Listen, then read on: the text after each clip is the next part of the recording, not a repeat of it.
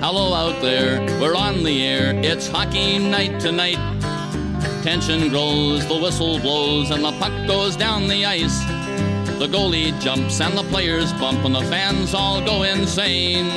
Someone roars, Bobby scores at the good old hockey game. Oh, the good old hockey game is the best game you can name.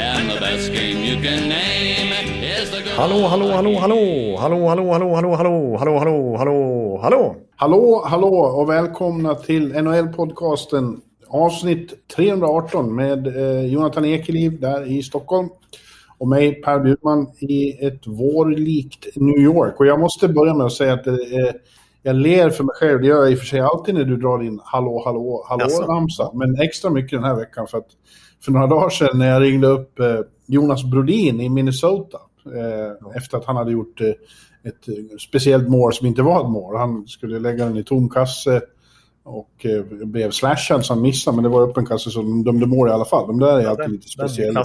Ja. Ja. Och då när jag, det, var, det var ett tag sedan jag pratade med Jonas, så när jag ringde upp så svarade han Hallå, hallå, hallå, hallå, hallå. Hallå, hallå, hallå. Det, det, det är ju stort ändå. Det gläder mig. Ja, det, det glädjer verkligen mig också. Oj, förlåt, nu satt jag... Ja, nu Var det kaffet? Ja. Ja, det är ingen fara, ni behöver inte vara oroliga. Jag ska, dricka lite se till och se om det... Du, du satte kaffet i halsen när du, när du, då också kanske, när du hörde... Ja, det gjorde jag. Det var, det var roligt med eh, den gode värmlänningen. Ja, hur, hur är det med Hallåmannen då? Eh, jo då, det är ganska bra. Jag skulle väl inte säga att det är vårlikt här i Sverige på samma sätt. Eh, jag testade att gå till jobbet häromdagen. Det är en promenad på kanske 40 minuter. Och kändes eh, lovande eh, när jag började gå, men sen kom det halv snöstorm mitt i promenaden. Från Så Åsögatan till Centralen. Hur går man Ja. då? Går du över Slussen? Då? Ja, över Slussen och eh, Gamla Det stan. måste och vara krångligt nu. Ja, exakt. Det är mycket byggarbete och grejer. Så det var en snirklig, eh, märklig väg. Jag överskattade mig själv lite grann också. Trodde jag skulle ta den där eh, promenaden på 35 minuter. Så jag blev lite sen och det fick jag ju höra när jag kom in. Hur brukar det vara annars? Brukar det ta T-banan från med, Medborgarplatsen till T-centralen? Ja, Från Eh, Medis till Medis ja. Ja. Medis, eh, ja, precis. Medis till Centran, som ni säger. Ja, jag med det, Bjurman. Ja. Ja. Det där lät roligt. liksom. Kan jag få höra dig prata mer stockholmska? Nej, men det är ju liksom... Nej, men det, det, det är den här stilen man kör liksom. Nej, nej det ska jag inte säga. Nej. Otroligt roligt. Tänk om du pratade sådär. Vad fantastiskt det skulle vara. Ja, jag, är född och uppväxt i Stockholm, men jag har inte riktigt den dialekten skulle jag säga. Ja, men det var en tung vecka för dig överhuvudtaget den förra. För att vi möttes ju i fantasyn också. Och jävlar vad jag körde över dig. Ja, det, du utlovar en asfaltering per sms. Eh, Ja, vi skulle asfaltera. Åsögatan med, med förluster. Och det gjorde vi. Jag vann med 8-2-0. Ja. Kross! Du knuste mig fullständigt. Alltså, nej. Ja, nej, men eh, Ja, Nej, du, har, jag- du har en tung säsong. jag har en eh, blytung säsong och det har varit inne lite grann på i podden. Jag, jag, jag slutar gärna där eh, alltså, och prata om det så att säga, för det går, det går inget vidare. Hade det varit, hade det varit vanlig general manager för ett lag, då hade det blivit sellout nu. Då hade du rensat, rebuild, Det är Buffalo-stämpel på mig lite grann. tänt brasan och skickat iväg dina Bergeron och kompani. Nej, jag får bryta ihop och komma igen nästa år. Som tur var så behåller man inte det här laget eh, nästa år. Och, ja, jag får tänka om helt enkelt. Jag valde en eh, felaktig strategi. Alltså. Ja, för apropå det så har du en eh, pending moves. Du får titta på den här. Ja, jo, den har jag sett, men den, eh, den kan jag i, i podden här dementera. Den, det blir inget med den. Aha, Ja, okej. Ja, det är mer seriösa saker. Sen, sen senast vi eh, pratades vid så har det ju i vanlig ordning hänt mycket saker.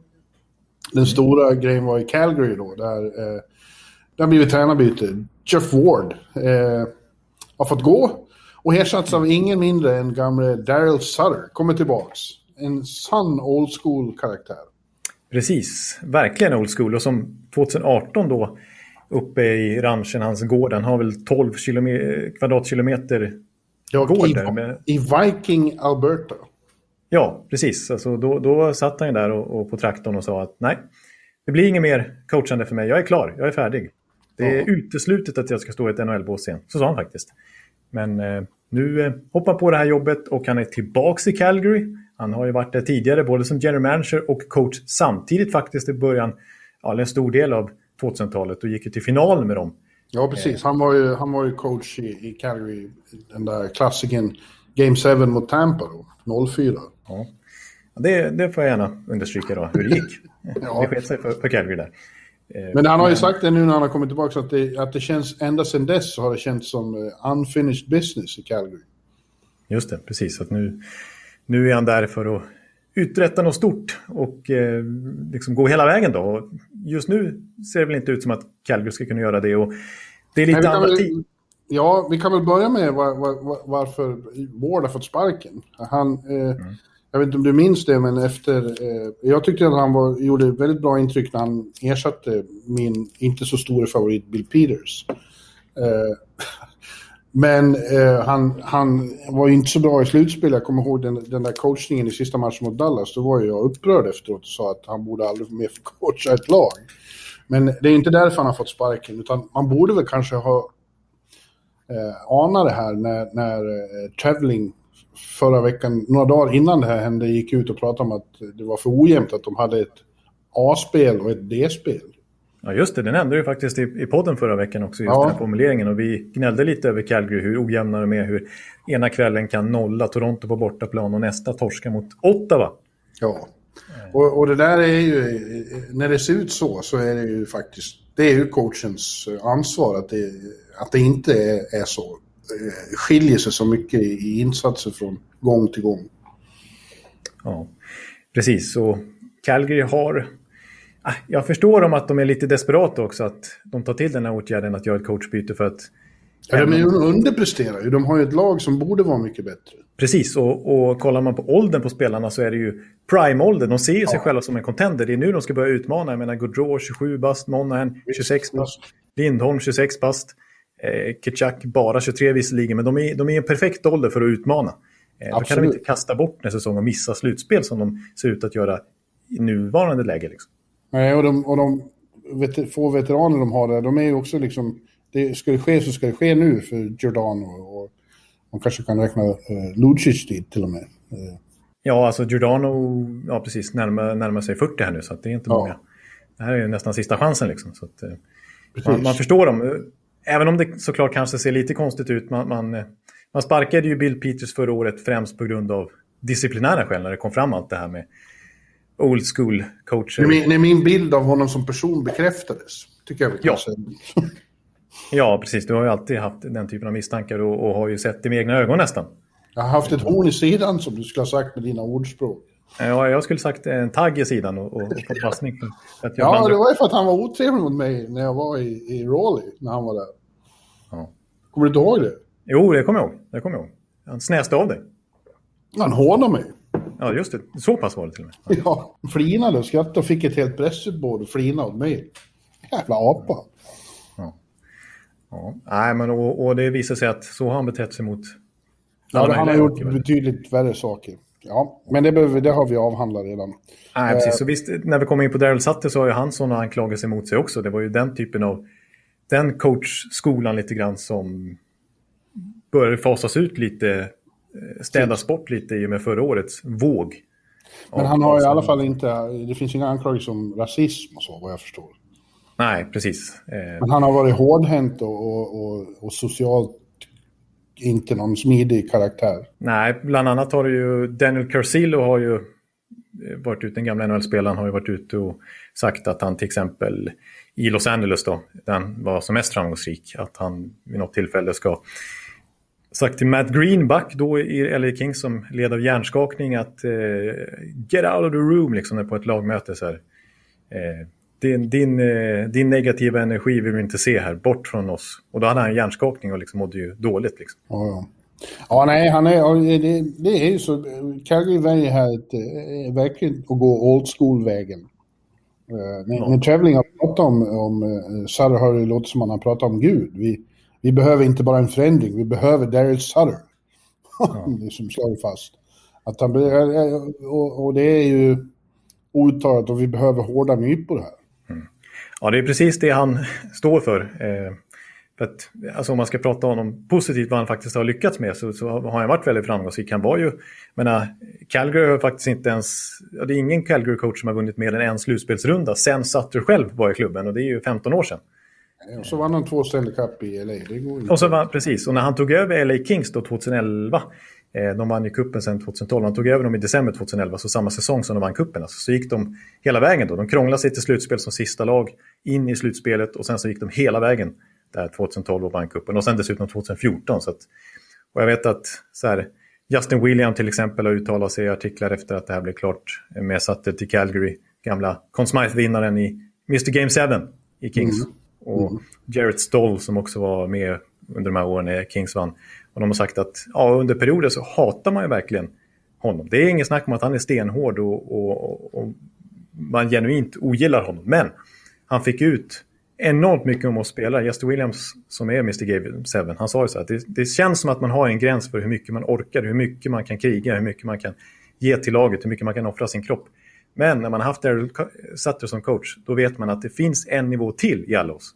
Ja. Man kan faktiskt ge ännu lite till. Några procent till finns faktiskt att hämta. Grejen är ju bara den att eh, den generation Justin Williams tillhör, eh, de har ju alltid accepterat det. De är uppvuxna med den eh, sortens kultur där coachen är den patriarken, liksom. Captain ja. Ahab. Eh, den yngre generationen accepterar inte det på samma sätt, har ju framgått nu tydligt. Eh, och det finns gott om unga spelare i Calgary, så vi får se hur, hur, hur, hur den kulturkrocken eh, kommer att te sig. Ja. Nu, så, nu såg jag igår, de hade, han, det var ju första träningen igår, han var ju tvungen att sitta i karantän han också ett tag innan han fick eh, träffa laget. Men igår tisdag hade de haft första träningen med, med denne Kuf. Han är ju underlig också. Ja, det är ingen... Så, ja, han är lite... Som alla, som alla som har sett en presskonferens med honom vet, han är ju liksom ingen eh, dussinfigur. Där, så. Nej, det är en karaktär. Ja, verkligen. Men de sa att det var, var bästa träningen på väldigt länge. Då. Det, och så, så gissar jag att det känns eh, nästan alltid när man får in en ny coach efter en tung period. Men eh, ja, vi får ju se. Det, eh, det blir ett intressant experiment. Det är jag tror ju att det blir... Det, det, har ju skett ett skifte i kultur i hockeyvärlden, eller håller på att ske. Mm. Eh, det olika skolor drar åt olika håll. Vi ska se vad, vad det här slutar. Precis, det är stort, liksom det är intressant ur ett större perspektiv. Inte bara i Calgarys fall, utan totalt sett för tränarens framtid i NHL. Vilken, ja. liksom, vad Sutter kan uträtta i dagens moderna NHL. Jag tror ju, jag tror ju benhårt mer på, på den moderna eh, ledarkulturen. Jag, jag tror ju mer på Sheldon Keefe och Dallas Eakins-typer än på Daryl Sutter-typer. Men eh, det är, bara för att jag tror det behöver inte vara så. Vi får se. Ja, det som jag tycker är lite tröttsamt, så här, visserligen förståeligt, men tendensen vi ser lite överallt i NHL, om man blickar tillbaka vilka coacher som har sparkats och anställts och sparkats och anställts de senaste fem åren, är det att eh, ofta är det så när man testar något nytt, då tar, väljer man raka motsatsen nästa gång. Ja, ja det, det har du rätt i. Och det, det kanske är en naturlig reaktion, men den är inte alltid så smart. Nej. Nej, det är liksom... Ja, Anaheim har de haft Randy Carlisle, då blir det Dallas Eakins nästa gång. Och, eh, Toronto som har haft Babcock, då blir det Keefe nästa gång. Det är visserligen, tycker vi då, kanske positiva förändringar. Men i det här fallet då har man testat Geoff Ward, spännande coach som sägs vara kommunikativ och liksom har en bra relation med spelarna. Ja, då blir det ju Daryl Sutter nästa gång. Ja. Det, det, är lite så i alla klubbar tycker jag. Vi får se. Här kommer då en, en bra eh, övergång. För att eh, Buffalo har ju också en sån coach som eh, ses som väldigt modern i sitt ledarskap och, och väldigt kommunikatör och livscoach lika mycket som hockeycoach. Precis. Eh, I Ralph eh, Kruger då. Men den, där har ju relationen med omvärlden, med media och med fans har ju soured ganska ordentligt under den här skräpsäsongen. Ja. Det, fortsätter, det fortsätter gå väldigt dåligt. Det är ju Mayday, Mayday i västra New York. Eh, de får extremt mycket kritik nu. Jag vet, vi, vi pratade nyligen om att Steven Valiquette här i, i, i MSG-sändningen i New York var kritisk, men de är ju lika kritiska där uppe nu, Mike Harrington och sådana här. Ja. Att de, alltså de har varit med om mycket skit de senaste tio åren. Men det här är, är, det värsta, därför att det här, ska ändå, det här borde vara ett bra lag. Det finns kvalitet, det finns talang i, i truppen vad som inte finns är liksom in, rätt inställning. Att de är, det finns ingen push, de har de, de, de, ingen sisu. Nej, det är det som är så konstigt. Jag håller verkligen med om att det här är det bästa lag de har haft det senaste decenniet. Ja. Eh, visst, jag har fortfarande gnällt lite när man pratar Buffalo den här säsongen om att backsidan ändå kanske inte är så bred bakom Dalin och Ristolainen och sådär. Och att eh, Ullmark har gjort det bra i kassen men målvaktssidan är ju inte superstark. Men alltså framåt finns det ju så mycket vapen som bara den. Då. De får in Taylor Hall på nästan gratis känns det som. inte ekonomiskt naturligtvis, men att, han, att, att en sån klubb lyckas få Hall, den största free agent-fisken på marknaden, att välja dem. Och så liksom Golofsons explosion och eh, ja, men Dylan Kassen som har kommit in nu också. Det, det, och Eric Stahl och Delas Ikins, de liksom fixade upp sin centersida där också. Det kändes som att nu finns ja. det alla möjliga förutsättningar. Eh, och ändå så går det alltså, minst lika dåligt som tidigare. Och det är lika kotiskt utanför isen som alltid. Ja, och det leder ju tillbaka till den här eh, lite konstiga teorin, men som ofta visar sig stämma. Att det, att det, att det på något vis har satt sig en kultur, en kultur i själva klubb, i arvsmassan hos klubben. Ja. Det är väldigt konstigt, det borde inte vara så, men det verkar ju så. Något är ju fel där. I, ja. i, långt ner i roten, som min tandläkare sa förra veckan. ja, precis. Ja, jag, jag fortsätter att peka på ägarna som samtidigt har gjort det bra nu med deras NFL-lag som de äger också, eh, Buffalo Bills, alltså det Pegula-paret där. Men det, alltså, de är ju verkligen inte populära vad man har förstått internt och så här bland personal och sånt. Sådana som har liksom haft med dem att göra. Och inte bland fans heller. Och inte, inte minst bland fansen där. Eh, så... Nu igår innan vi spelade in här så gjorde de ju ändå en hygglig insats borta mot Flyers då. Eller om det nu var Flyers som som var för dåliga. Just nu är det så att ingen vill förlora mot, inget vill vara laget som förlorar mot det här kris, krisande Sabres. Uh, de hade ledning med 3-1 och 4-2. Man fick till slut stryk då på straffar 5-4. Ja. Uh, det var ju okej. Men, men alltså kraven är ju stenhårda på att Kruger måste sparkas och, och troligen så är han ju nästa coach som får gå. Jag tycker det finns några bra alternativ till, men, men han uh, han borde ligga väldigt risigt till. Ja, precis. Jag såg någon The Athletic beat-reporter där i Buffalo som sa att om Kryger skulle vara kvar när nästa säsong inleds, vilket ju ingen tror, men om det skulle vara så, då skulle han eh, cykla runt i Buffalo i enbart blöja eller vad så. Så osannolikt är det.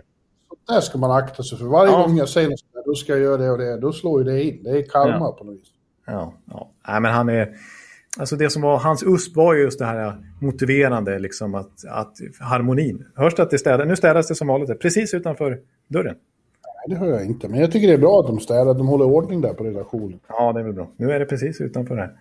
Det var väl apropå Buffalo kanske, att det ska storstädas. Men de får väl ta Babcock då? De, du säger att de gör så byte från olika stilar. Kan... Ja, då är det Babcock nästa.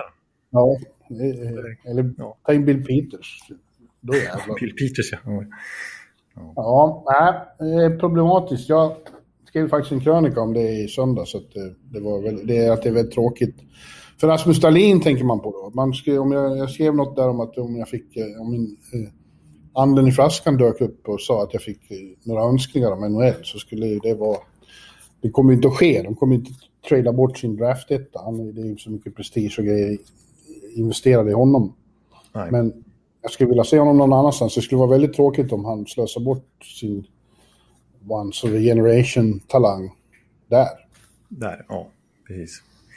Nej, nej, det är det så. Det är, vi har ju pratat mycket om Michael också som många tycker samma sak om. Att hans prime bara rinner ut i sanden här. Men, han är skadad fysiskt sett Precis, också. Det är, det är något, uh, något inte bra i luften runt Buffalo. Det är helt klart.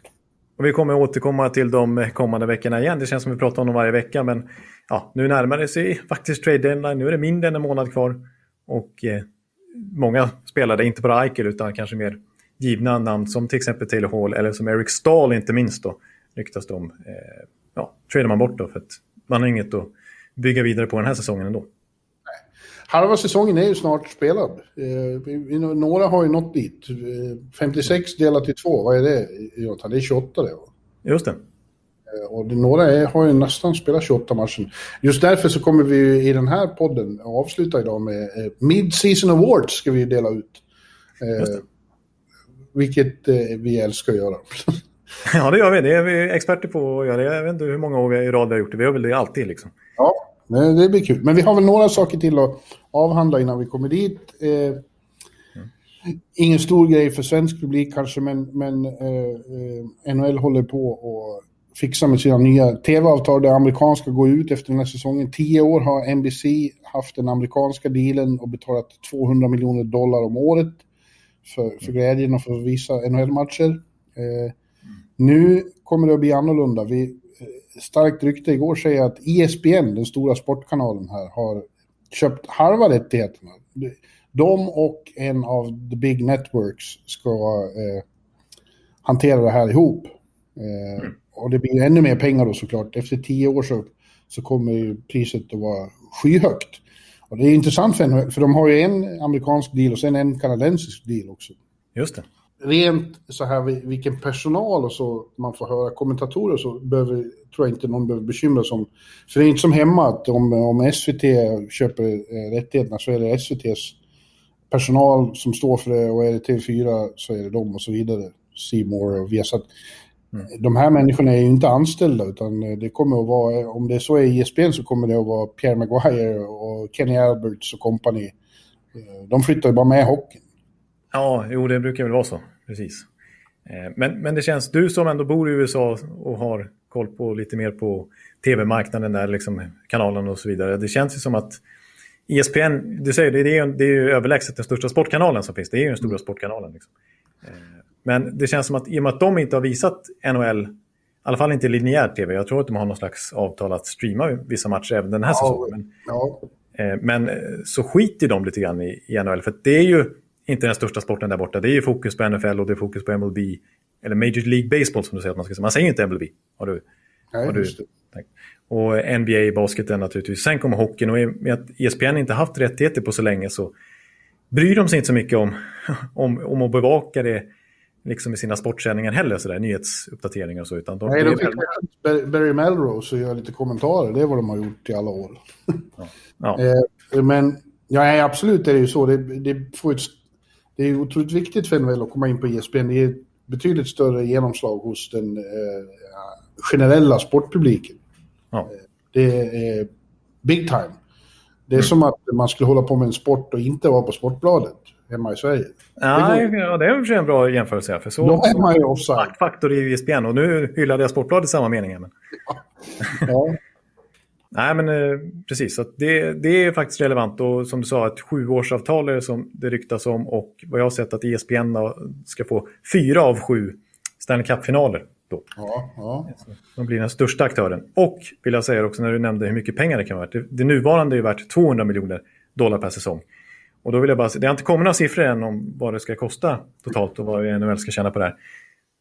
Men om man tar lite andra exempel. När, när NBA förhandlade om sitt tv-avtal 2016 eh, så vet jag att det, deras dåvarande var värt 900 miljoner dollar. Det låter ju väldigt mycket jämfört med 200 miljoner dollar. Men NBA är ju väldigt stort där borta i USA. Eh, och när de förhandlade om det till sitt nya avtal, då blev det plötsligt värt 2,6 miljarder dollar ja. per år. Så det tredubblades. Eh, ja. Och det här, det har gått tio år sedan eh, NHL förhandlade senast. Så det, det, det kommer att vara värt mycket, mycket mer nu. Och trots corona och så vidare. Eh, för att nu finns det helt andra möjligheter med streamingtjänster och så vidare. Det är inte bara linjär tv. Det var det inte 2011 heller, men det har utvecklats enormt sedan dess. Så att eh, det pratas ju om minst dubblering vilka, vilka groteska summor det är egentligen. Och NFL är ännu värre då, de är ju värst av alla. Ja, de är ju överlägsen kung på marknaden. Ja. Eh, och där är ju alla eh, networks inblandade. Det är inte bara en som får den där, utan det, det sprids ut. Och, och... De välts väl omkull om de skulle betala hela den summan själv. Det finns ju ingen som har råd med det. Nej, precis.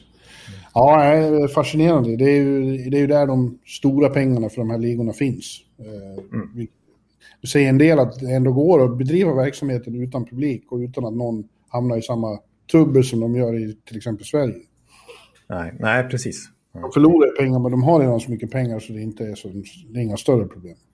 nej, nej, exakt. Men det vill jag poängtera också då att innan corona, eh, nu, nu ställer ju corona ändå till det för NHL här ordentligt, men om vi tar till exempel, för, för, för då, jag kommer ihåg att vi pratade om det för något år sedan innan vi visste om vad, vad världen skulle drabbas av. Eh, att NHLs lönetak efter den här deal, nya tv-dealen skulle kunna gå upp från drygt 80 miljoner som det ligger på nu till närmare 100 miljoner dollar på ganska kort sikt. För att det skulle komma in så mycket pengar i ligan. Och det blir inte aktuellt nu med tanke på att det har varit en coronakris som fortfarande pågår. Eh, men till exempel NBA efter sitt stora avtal då, 2016 så gick deras lönetak upp med 24 miljoner dollar bara på en säsong. Ja, jo, men det, det, det kommer ju att ske. Vi är på väg åt rätt håll genom pandemin nu och när de här nya tv-pengarna kommer in så kommer ju utvecklingen att fortsätta i den riktningen i alla fall igen. Ja, så här mitt i podden kliver jag faktiskt in i efterhand och lägger in den här lilla uppdateringen att det har kommit nu en bekräftelse på att halva NHLs tv-avtal har införskaffats av ESPN, eller rättare sagt The Walt Disney Company som äger ESPN och dessutom ABC. Och för det här, alltså halva tv-avtalet de kommande sju åren, får Disney betala 400 miljoner dollar. Alltså dubbelt så mycket som NBC betalar i nuvarande avtal för hela tv-avtalet. Så snacka om att NHL gör ett jätteklipp här.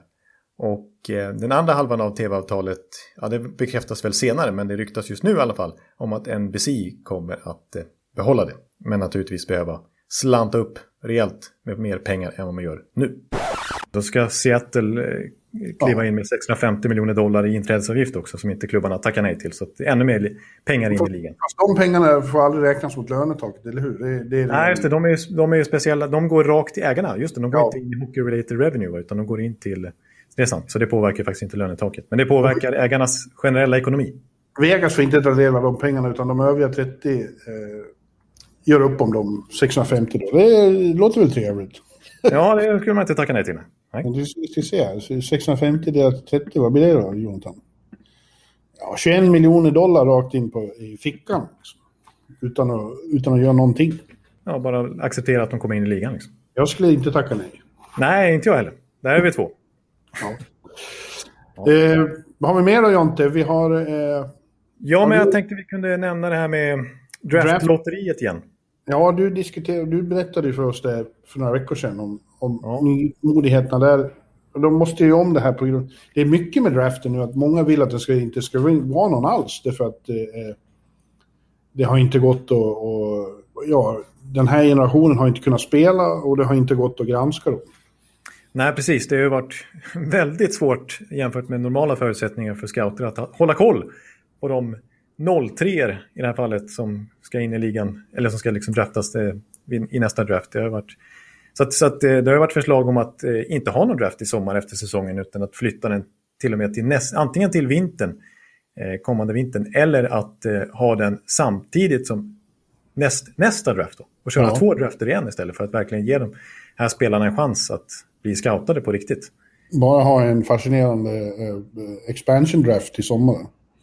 Ja, ja den, den ser man fram emot ännu mer skulle jag vilja säga. Ja, ja. Eh, men eh, nej, det verkar inte som att man kommer kunna pusha draften utan den kommer bli av ändå. Men draftlotteriet då?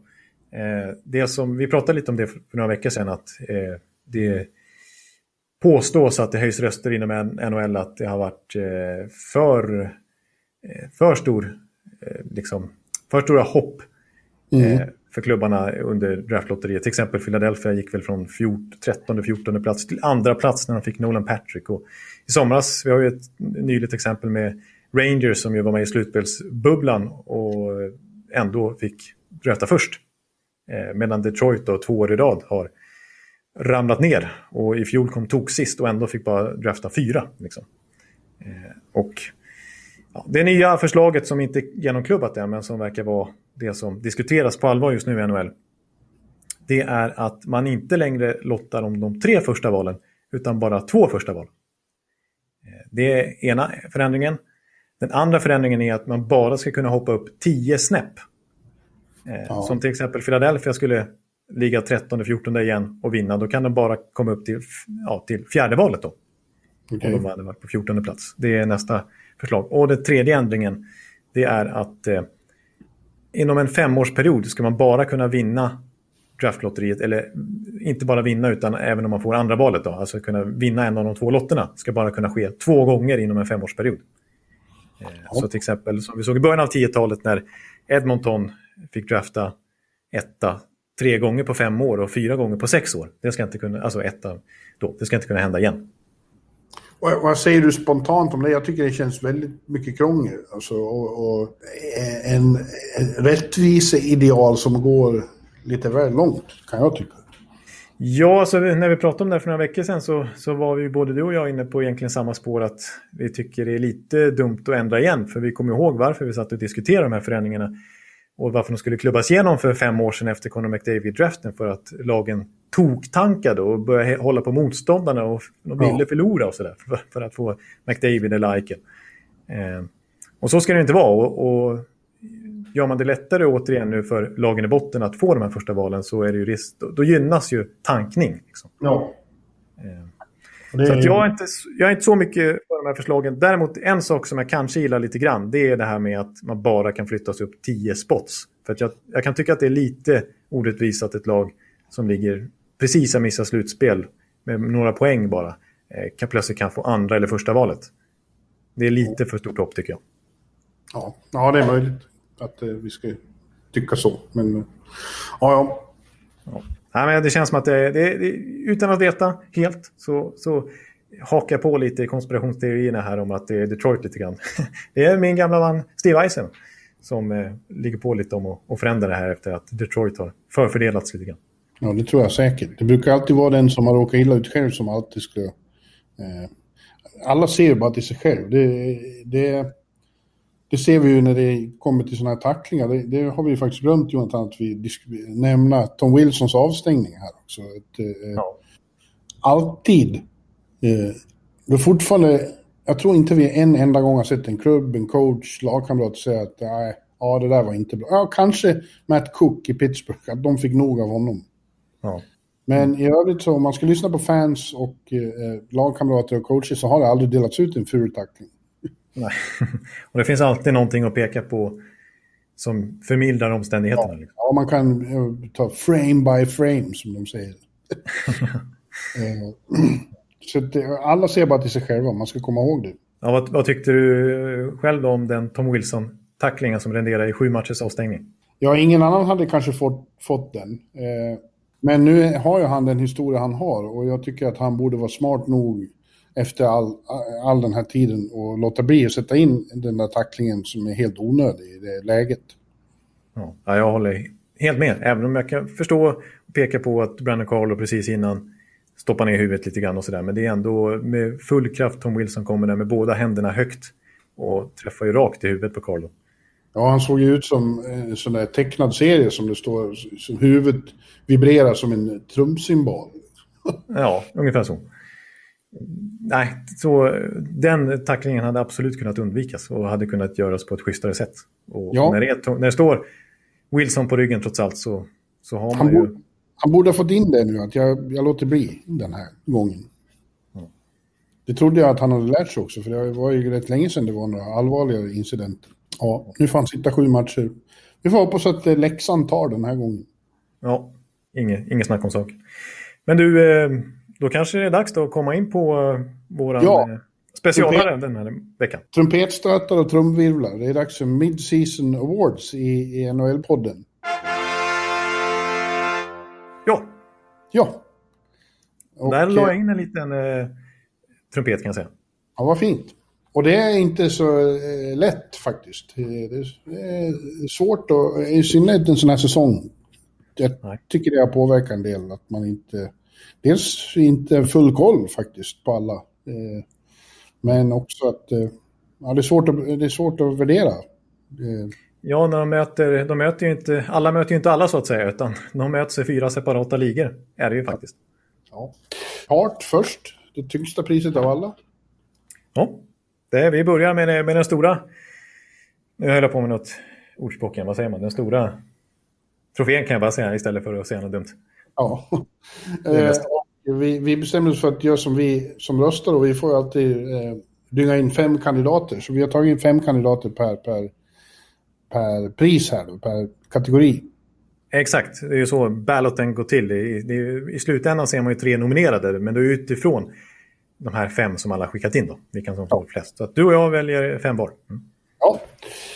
ja eh, du kan väl ta dina då. I Hart så tar jag sen eh, Vessina och du Norris och så vidare. Ja. Eh, ja men mina Hart-kandidater i... Jag tar dem väl uppifrån här, faktiskt. Eh, min etta är ändå Conor McDavid, poängligaledare. Mm. Eh, starkt utmanad av Patrick Kane på andra plats.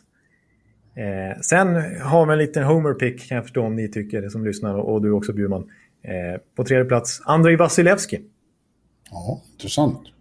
Eh, på fjärde plats Austin Matthews och min sista röst ger jag till en annan målvakt faktiskt, Marc-André Fleury. Oh wow, det var intressant. Mm. Jaha, jag har eh, Patrick Kane, Austin Matthews och sen grejen är ju den här att man kan välja både, nästan både Conor McDavid och Leon Draisaitl. Och det gör att ingen av dem egentligen... Att de har två stycken som är nästan lika viktiga, då blir det svårt. Jaha, vem är egentligen... För. Eh, och, och, jag väger ju... Jag envisas med att väga in hur det går för laget också. Vi, vi, I vilken mån ens viktighet för laget leder till någonting.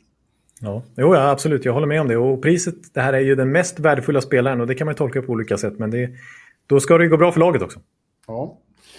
Sen har jag ett lag som kanske går lite sämre än väntat eller inte har exploderat än och, och han har inte varit lika framstående som tidigare. Men jag, jag har svårt att komma förbi Nathan McKinnon för att han är så otroligt viktig för Colorado.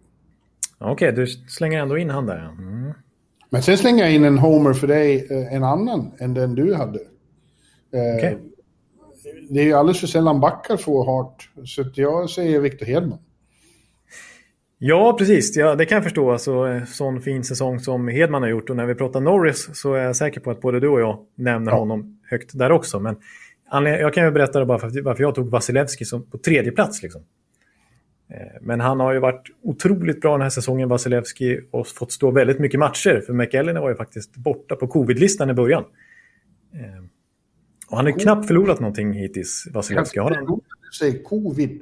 Alla andra säger covid. Du säger covid. Ja, men vi, vet, jag är stockholmare. Covid. det kan Ja, ja.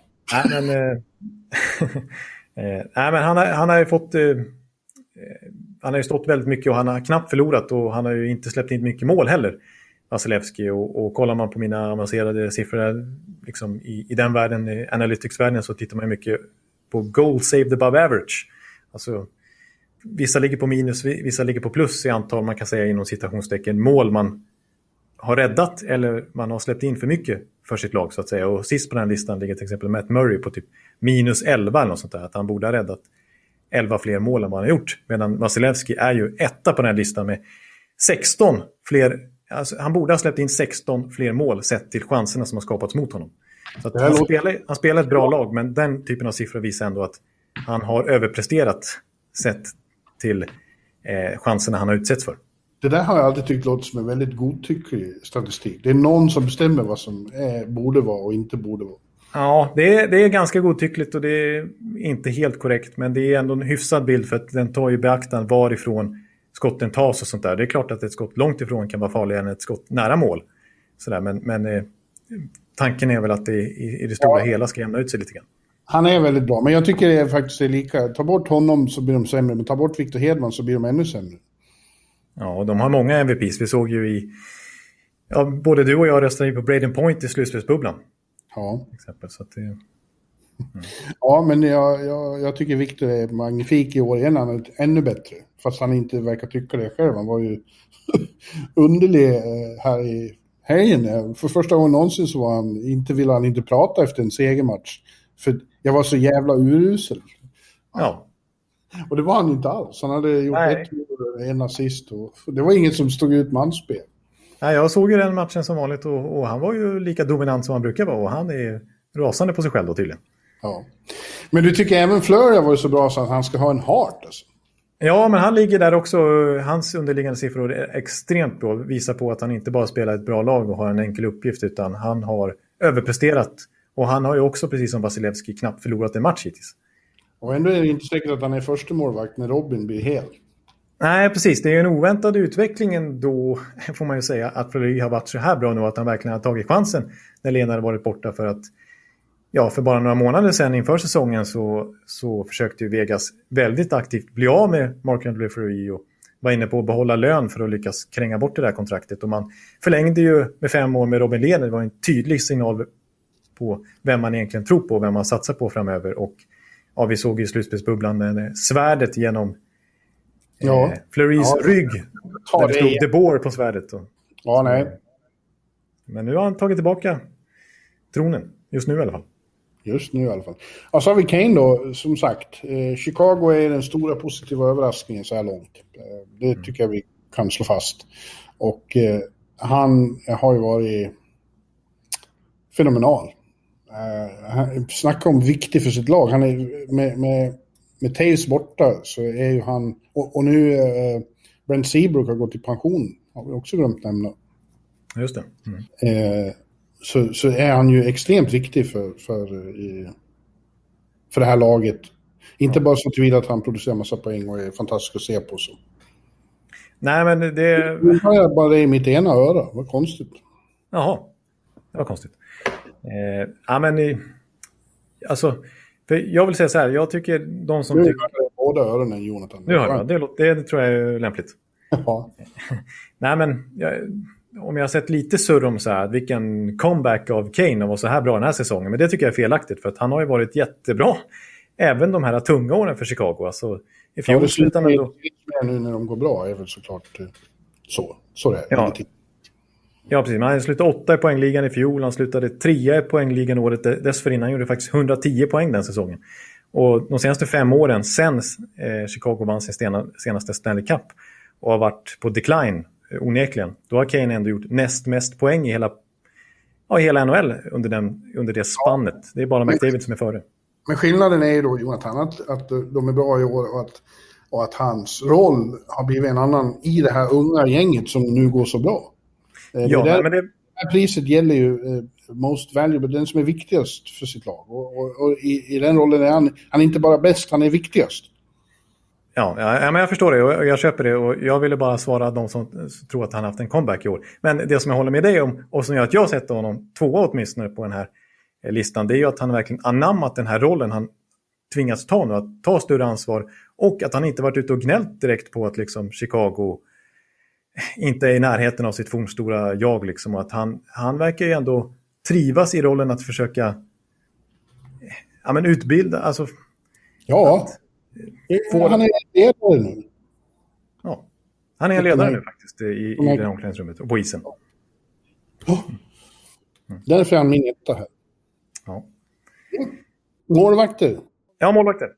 Ja. Vi har Vessina, årets målvakt. Och där har du ju redan nämnt två som du tycker rent av ska ha men jag stoppar in en emellan dem. Jag har Andrei Vasilevski först. Mm. Så Conny Hellebuck, som var, jag vet inte om du såg honom mot Toronto igår, men han var ju helt jävla sanslöst bra. Ja. Sen har vi eh, eh, Flurry då, som onekligen eh, gör det bra. Och sen, jag var nästan så vågad så jag ville ta in eh, Lankinen, men jag vågar inte, utan jag tar Tuka och Valamov. Eh, Valamov före Tuka eh, i, som de sista eh, nominerade här. Eh, Islanders har vunnit sex raka nu, de är inte att leka med faktiskt. Nej, jag, jag nämnde min snabbt här också. Jag har Vasilevski etta och så då följaktligen Fleury tvåa. Och sen har jag Varlamov trea. Ja. Ja. Eh, och sen, Bjurman, på fjärde plats Kevin Lankinen. Ja, du vågade det. Då, jag bedömer det utifrån hur han har spelat eh, fram till den här punkten den här säsongen. För det är väl egentligen det man ska ta hänsyn till och inte liksom tidigare prestationer. Så, utan det, eh, och på femte plats så tar jag eh, också lite färgad av nattens prestation här, men Connor Hellebuck. Hellebucken? Ja. Det är bra han. Regerande bästa vinnare. Ja. Det är svår att förbigå. Nu har vi pratat så mycket om de här målvakterna så att eh, det är Valamov vi inte har sagt något om. Men som sagt, han, han spelar ju ett jävligt tajt defensivt lag, men han har, han har kommit upp på en till nivå också, har han inte? Jo, precis. Och även där så pekar hans underliggande siffror och hans goal saved above average och så vidare på att han gör det väldigt bra och överpresterar lite grann mot hjälpen han får faktiskt. Och eh, mm. jag tycker det är imponerande Valamov eh, som blir rejält utmanad här av Sorokin som kommer över den nya tsaren var ju tanken i, i Islanders. Liksom. Eh, men han har inte lyckats vara i närheten än av att sno första spaden av Valamov. Tvärtom har hans ryske ålderman där steppat upp. Eh, och det såg man inte framför sig för några ja, innan han kom till Islanders. När han var i Colorado sista året där, då, då var det till och med lite KHL-rykten på Valamov att eh, han kanske inte ens blir kvar i NHL. Och nu är han ju en, för oss, Vessina-kandidat. Ja, då ska du dra dina Norris. Ja, eh, på första plats Viktor Hedman. På andra plats... Hmm. Jag ser nu att jag har, jag har bara skrivit upp fem namn och så har jag inte rangordnat dem. Så jag får göra det live i podden här, försöka rangordna dem. Eh, okay. Hedman etta säger jag i alla fall. Eh, och så säger jag Charlie McEvoy, McEvoy tvåa. Honom inte jag med alls. Nej. Eh, och sen sätter jag Cale McCarr, sen sätter jag Jeff Petrie och sen sätter jag, den här är jag inte så nöjd med, men jag slängde in namn. Eh, Aaron Ekblad. Ja, ja, men eh, alla de där är bra namn. Och Cale McCarr glömde jag, han borde kanske ha varit med här. Men jag har ju en, jag har då lite överraskningar kanske. Victor Hedman etta, Jeff Petrie tvåa. Mm. Sen har jag tre då som inte du har med. Eh, Okej, okay, låt höra. News. Mm. Eh, som ju framförallt offensivt är ett, ett, ett fyrbåk i Vancouver-mörkret. Mm. Eh, Morgan Riley, Toronto, som jag tycker alltså, leder ett Toronto-försvar som är mycket, mycket, mycket bättre än tidigare. Ja. Mm. Man skulle kunna ta TJ Brody där också. För att han Absolut, alltså TJ Brody är den stora revelationen i det där försvaret skulle jag säga, som helt neutraliserade McDavid i de där matcherna. Ja, ja han... Eh, det kanske är han man ska ha. Men, men sen har jag, min, har jag min stora skräll. Och den är ju färgad av att jag är svensk då. Men jag slänger in Jonas Brodin. Hallå, hallå, hallå Brodin. Ja, Jonas Brodin. Ja, men det...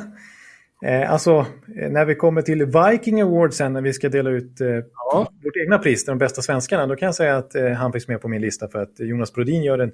Ja, du kan få motivera först och så kan jag säga... Nej, jag tycker han gör sin, bästa, sin kanske bästa NHL-säsong efter snart tio år. Eh, och är det var intressant när jag pratade med honom, för han, jag frågade honom, har det varit bättre, har Minnesota varit bättre någon gång under dina år? Och han kom direkt till, jag vet inte, men framförallt är det roligare än någonsin att spela i Minnesota Wild.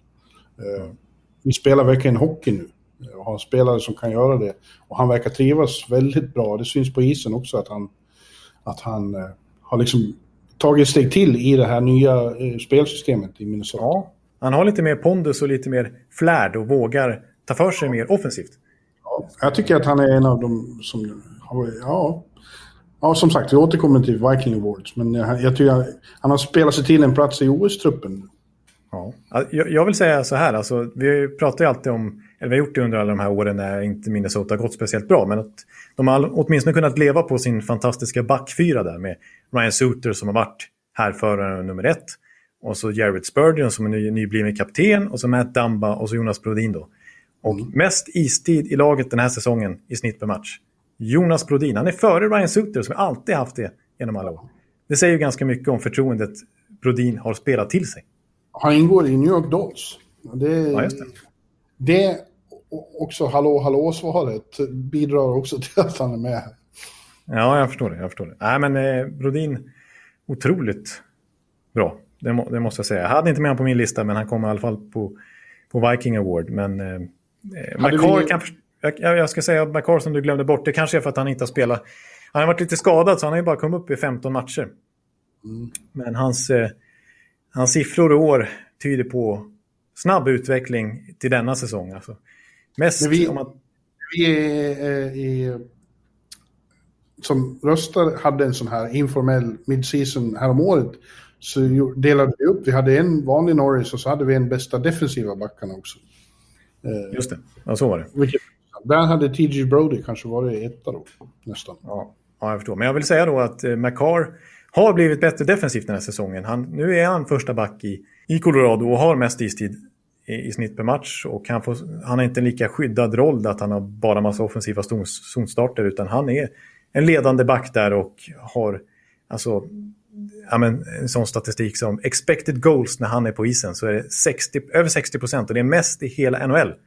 Så när han är inne på isen så förväntas Colorado göra drygt 60 av målen och det är ingen annan som har så starka siffror. Så att Kael McCarr på de 15 matcherna han spelat den här säsongen har visat att han, han är Norris-mässig. Yes. Mm. Ja, eh, då har vi Calder då. Eh, ja. Och, och, jag drar... Eh, den är ju lite speciell i år eftersom eh, den stora rookien inte är så ung. Men det, nu är reglerna som de är. Så han... Given etta är Krill Kaprizov i, i Minnesota. Följd av Kevin Lankinen då, eh, Chicago ja. Morrison, som vi redan har varit inne på. Du, du har ju med honom i Vessinaren. Sen eh, är det lite hugget som stucket tycker jag. Jag tar Tim Stützle i Ottawa. Mm. Jag tar också Nils Höglander i Vancouver. Utan att han är så högt i poängligan där så har han ändå, han har varit så stor på andra sätt i, i, i Vancouver de älskar ju honom för hans eh, mogna sätt att liksom spela i dirty areas och vara vid målet och irritera motståndarna och så. Ja, mm. han, har, han ligger väldigt högt upp har jag sett i NHLs takeaways-statistik, alltså när det kommer till att sno pucken av motståndarna. Där är han bland de bästa i ligan, redan nu. Ja, du ser. Ja, och sen eh, en liten, liten skräll kanske, men jag har tyckt så mycket om honom när jag sett honom nu på slutet och det är Jason Robertson i Dallas. Mycket bra val, han har jag med också. Visst, man är kanske lite färdig här i natt så gjorde han fyra assist. Ja. Så han har verkligen klättrat upp i, i rookie-poängligan, 13 poäng på 16 matcher. Men det är en sån här, alltså han har aldrig varit speciellt hypad för den breda publiken, men i OHL när han var där nere så, så han öste in poäng där och det snackades om att här har Dallas en riktig, en riktig gem, en stil. Han kommer mm. bli bra. Och det har han visat nu den här säsongen. Jag tror han kommer få ännu mer speltid ju längre säsongen lider och att det kommer vara ett eh, namn som folk får upp ögonen för. Jag tror också det känns så. Man har ju så lite bias för, vad heter det, late, uh, det som har hänt nyligen. Ja, just det, man är recency bias. Uh, men det får vi väl stå ut med. Ja, det, det, så är det ju. Det vi är mänskliga. Ja, vilka har du då? Har du några andra än de jag hade? Ja, jag har en väldigt massa målvakter. Eh, jag valde faktiskt bort målvakter. Jag är målvaktskille. Jag har Kaprizov etta, det går inte bort, bort ifrån. Jag har precis som dig Lankinen tvåa. Sen har jag Sjestjorkin trea. För han räknas ju som rookie. Ja. Och jag har eh, faktiskt från Minnesota Capo Kekkonen som har klivit in och, och stängt igen kassen där. Eh, ja. På ett oväntat bra sätt. Blev ju utsåg sig till AHLs bästa målakt förra säsongen. Men man trodde kanske inte han skulle få chansen i år för att eh, det var ju, de tog ju in, tappade jag namnet på honom. Cam Talbot. Cam Talbot ja, precis. Och eh, de hade ju Alex Daylock där också som som nu har hamnat i Edmonton på waivers. Men Kekkonen var väl liksom tredje alternativet då. Inför säsongen.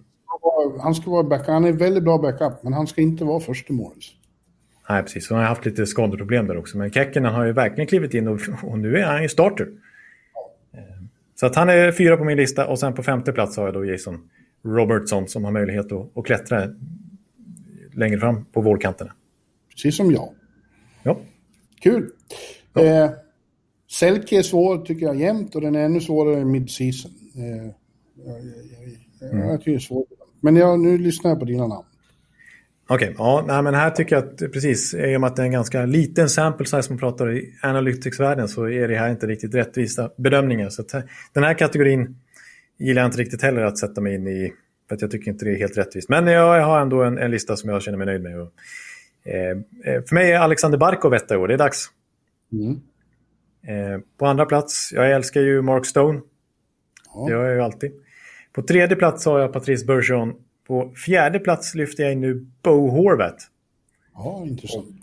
Och på femte plats har jag Anse Kopitar. Och det är klart att Couturier och Riley alltid är aktuella här också. Men eh, det blev mina fem namn.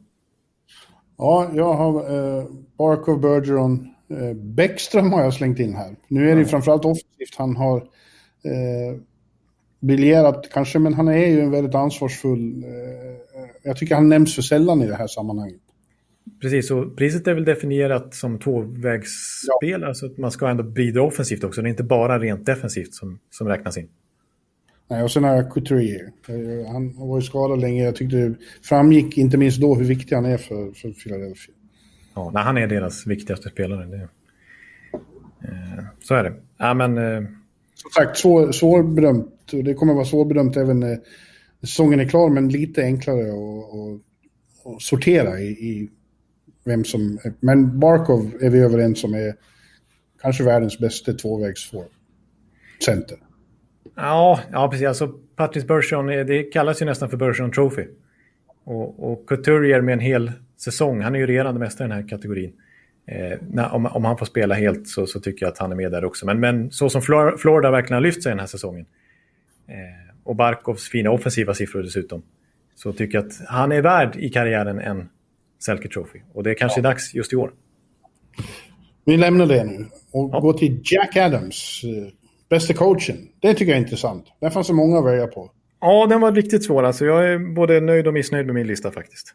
Ja, jag tycker min är spännande. Jag börjar med Jeremy Colleton.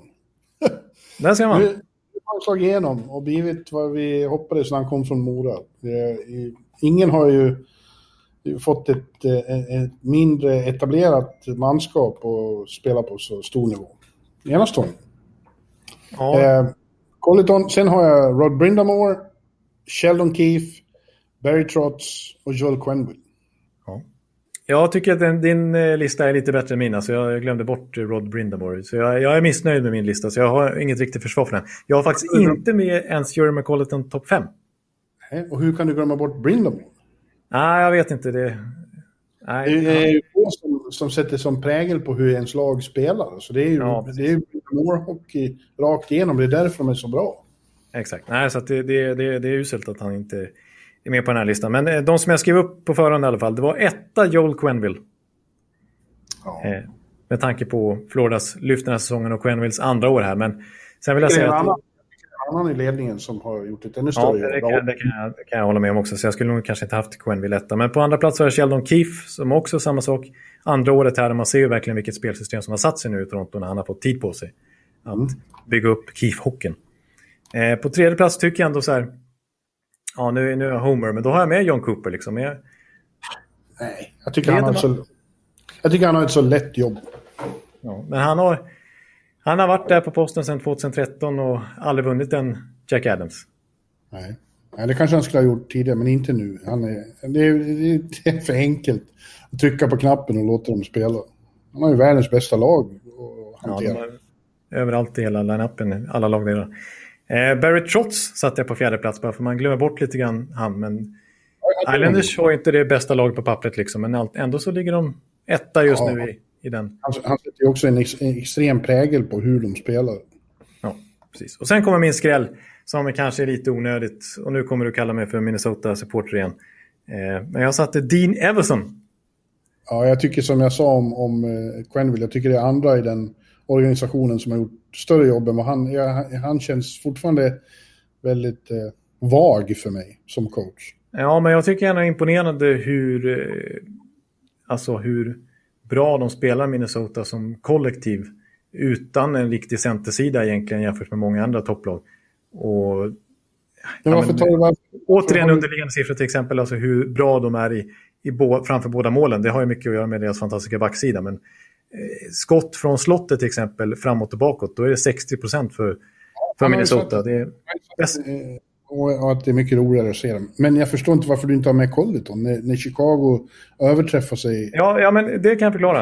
Eh, och det är för att Colleton, det är också för att jag är ju statskill och det är ju inte du på samma sätt.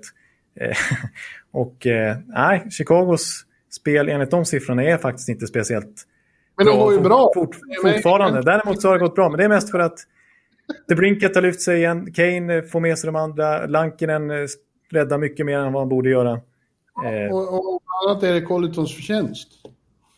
Ja, men det jag tycker faktiskt inte att det nödvändigtvis är Colleton mest. Utan, mm.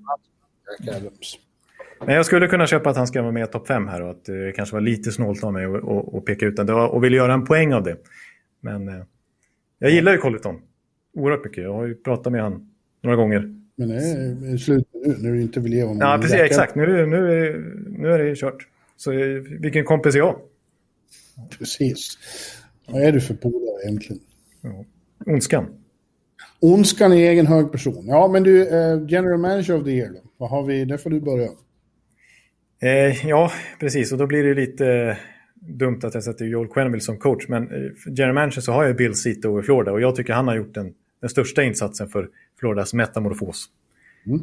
Eh, på andra plats Kyle Dubas på tredje plats. Återigen då. Julien Brisbois. Homer. Och sen på fjärde plats Lula Muriello. Och på femte plats Kelly McCrimmon i Vegas. Jag har ju missat min etta. Är det sant?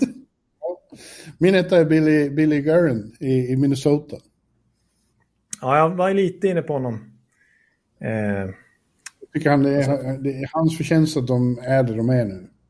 Sen har jag Bill Cito, Kelly McCrimmon, Kyle Dubas och Don Waddell. ja, jag kan köpa det. Men nej, anledningen till att jag inte tog med Garin liksom är för att han har fortfarande inte löst centersidan där. Han lyckats. Men det tror jag att Paul Fenton var med och krattade för också. Och det var ju en annan general manager dessförinnan, Chuck Fletcher, som draftade Kirill Caprizo. Men nu är han till slut över i alla fall. Eh, och ja, liksom målvaktssidan, det är ju, tror jag att det är Garins beslut direkt att det blev lite skador hit och dit och att Kekkonen plötsligt har spikat igen där. Och den där backsidan har ju varit där i evigheter.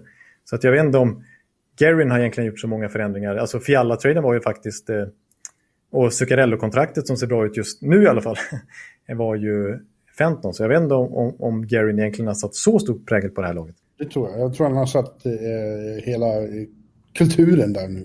Ja, det, det, tror jag, det kan jag dock köpa, för det är en väldigt positiv person som är svår att inte tycka om. Och jag, jag tror att det är en mycket bättre stämning i hela organisationen med honom på den posten än vad det var när Fenton satt där. Ja. Ja. ja. Ja, du har ju för sig en poäng där med både Zuccarello och Fiala eftersom jag tänkte ta dem som exempel. Men okej. Okay. Ja, vi, vi flyttar upp Sito. Ja. Ja, Bill Cito, liksom, han hamnar ju i ett Florida som det pratades om att eh, de hade inte råd helt enkelt att spe, spendera till lönetaket och fick sätta en intern budget för att gå runt. Inte blöda för mycket pengar den här säsongen, corona-säsongen. Och, och de tappade mycket spelare på öppna marknaden, Hoffman och Dadonov och så vidare och, och fick ersätta dem med betydligt billigare spelare. Mm. Alltså till exempel Patrik Hörnqvist-värvningen är ju en money for money eftersom att Mike Matheson med sitt stora kontrakt gick åt andra hållet. Så ja. han, gjorde, han fick ut så otroligt mycket ur varenda liten cent han hade att bolla med. Ja, och dessutom tog han in för Samuelsson. Det verkar också ha varit väldigt lyft. Ja. Han mycket, mångt och mycket har satt defensiv, bättre defensiva spelet. Precis, det är ju det, det är där den största utvecklingen har skett den här säsongen. För bra offensivt har de varit länge. De gjorde väl tredje, fjärde flest mål förra säsongen. Men de var ju också ett av lagen som släppte in tredje, fjärde flest mål. Eh, ja, Sito, vi ger priset till dig. Ja, Sito är, ja det, det är vi överens. Så. Ja. Och då har vi bara vår specialare Viking Awards kvar då. Eh, ja. Biffen Awards hette den i, i, i bloggen förr i tiden. Just det, och det är alltså till den bästa svensken i ligan. Så, ja, för en hel säsong i det här fallet. Mid-season. Ja, och det är jag som ska dra den va? Ja, ja kör du. Ja, jag har Viktor etta då. Eh, Niklas Bäckström tvåa. Patrik Hörnqvist. Jonas Brodin och sen eh, var det svårt tycker jag. Jag vill egentligen ha med Filip också. Jag tycker Filip gör det bra i Nashville som har problem i övrigt. Men eh, det blir Joel Eriksson Ek har tagit så steg framåt. Så de fem har jag. Okej, okay, ja, då skiljer vi oss lite grann. Eh, jag har Viktor Hedman också etta och jag har precis som du Niklas Bäckström tvåa. Sen har jag satt Filip Forsberg. Faktiskt, trots Nashvilles otroligt svaga säsong. Eh, så har jag ändå han varit loket där och gjort överlägset mest poäng i laget. Eh, och sin kanske bästa offensiva säsong någonsin hittills. Eh, sen har jag en, en, spelare som du inte hade med alls på fjärde plats också. Och det är faktiskt, jag får motivera det, men jag har Elias Lindholm på fjärde plats. Och på femte plats Jonas Brodin. Jag kanske skulle vilja byta plats för dem. Jonas Brodin fyra och så Elias Lindholm femma. Ja, nej, du behöver inte motivera. Elias är ju bra, men eh, eh, jag tycker de här som jag tog är ännu bättre. Ja. det jag tycker är coolt med Lindholm är... Han spelar ju mest bland forwards i laget och har gjort det de senaste åren. Han får ju större förtroende både Monahan och Gaudreau faktiskt. Och han spelar mest av alla svenskar i boxplay också. Ja. Han får enormt defensivt förtroende dessutom. Så han, han är väldigt mångfacetterad. Och eh, fortsätter ju ösa in poäng dessutom. Så eh, även om Calgary har svagt den här säsongen, liksom Nashville med Filip Forsberg, så har jag med båda två på listan. Ja. ja. Fint du. Ja, där har vi Mid-Season Awards. Ja, det har vi. Får vi se, vi får väl göra avrunda när säsongen är över med en, ja, när det börjar närma sig kanske riktiga awards och eh, dela ut våra slutgiltiga betyg. Ja. Vad säger nu då? Nu ska du gå och sätta dig och jobba, så glader blir glader. Ja, precis. Det är en klassiker här att glader blir surer ju längre vi håller på i poddarna. Speciellt om vi drar över en timme långt. Men, men eh, nu har vi spelat ungefär en timme och det är jag nöjd med tror jag. Så att, eh, Ja. eh, vi kanske får avrunda här då. Kanske ska jag gå på bio. De har öppnat biografen. Oj. Så jag ska gå på bio och sen ska jag gå hem och, och göra hockey. Och sen eh, vid eh, 20 över midnatt, 20 över 12, så måste jag sätta mig här vid datorn igen. För då ska jag bli intervjuad av eh, SVT Morgon. Om, Nej, är det sant? om, bo, om boken. Ja, visst. Okej. Ja. Den kan du väl göra lite reklam för här i podden? Ja, så är ni, är ni vakna vid... Eh, nu kanske inte den här podden hinner komma ut innan dess. Just det, jag får klippa in allt. Eh, SVTs morgonstudio. Eh, ja, ja, det är New York-dagboken. Det förlorade året. Eh, Mm. Har jag ju gett ut den. Går att gå till bokhandeln och köpa. Det ska man göra. Ja, verkligen. Och eh, är man inte morgonpigg då och om podden ens hinner komma ut då innan det här sänds så går det ju alltid att gå in på SVT Play i efterhand och, och leta upp den där. Ja, säkert. Det tror jag. Eh, Jag är ju garanterat inte vaken så jag får kolla i efterhand. Jag är, ju- det är det. jag är, som, jag är som minst vaken skulle jag säga vid sex på morgonen. Mm. Men, men, men det är ju sena ma- I natt är det så sen match som man tror inte det är sant. Vancouver-Montreal börjar alltså 20.00 lokal tid i Vancouver. Då är den 11 här på kvällen på östkusten och 5 i, i Fem. Sverige. Oj, oj. Ja. Jag tycker du kan gå upp och titta på den och så kan du ta lite, klippa lite SVTs morgonstudio samtidigt. Ja, ja, du ser. Ja, vi får se hur jag gör. ja, ja, men det är kul i alla fall. Eh, det måste jag säga. Och köp boken. Och, Ja, verkligen. Eh, ja. Och eh, så hörs vi igen i det här sammanhanget nästa vecka. Det gör vi. Hej, hej! Hej! Hallå, hallå, hallå. Hallå, hallå, hallå. Alex Chiazot, Joe Luis Arena och Esposito. Esposito. Uttalsproblem, men vi tjötar ändå. Och alla kan vara lugna, inspelningsknappen är på. Bjuder Hanna Kohl, han är grym i sin roll. Från korrespondenten har han fullständig kontroll på det som händer och sker. Det blir ju allt fler som rattar in hans blogg. Och lyssna på hans podd. One, two, time, speed, so Hallå, hallå, hallå. One, two, time, speed, so Hallå, hallå, hallå. Ekeliv, som är ung och har driv. Verkar stor och stark och känns allmänt massiv. Han hejar på Tampa och älskar Hedman. Sjunger som Sinatra. Ja, och det ser man. Nu är det dags för refräng. Dags för magi, Victor Norén. Du är ett geni. Så stand up at home and remove your hats. Höj volym, för nu är det plats. One, two, time, speed, so Hallå, hallå, hallå. One, two, time, speed, so Hallå, hallå, hallå. One, two, time, speed, so Hallå, hallå, hallå. One, two, time, speed, so Hallå, hallå, hallå. Det är otroligt länge sedan båda samtidigt var så här bra. Hallå, hallå, hallå. Det är otroligt länge sedan båda samtidigt var så här bra.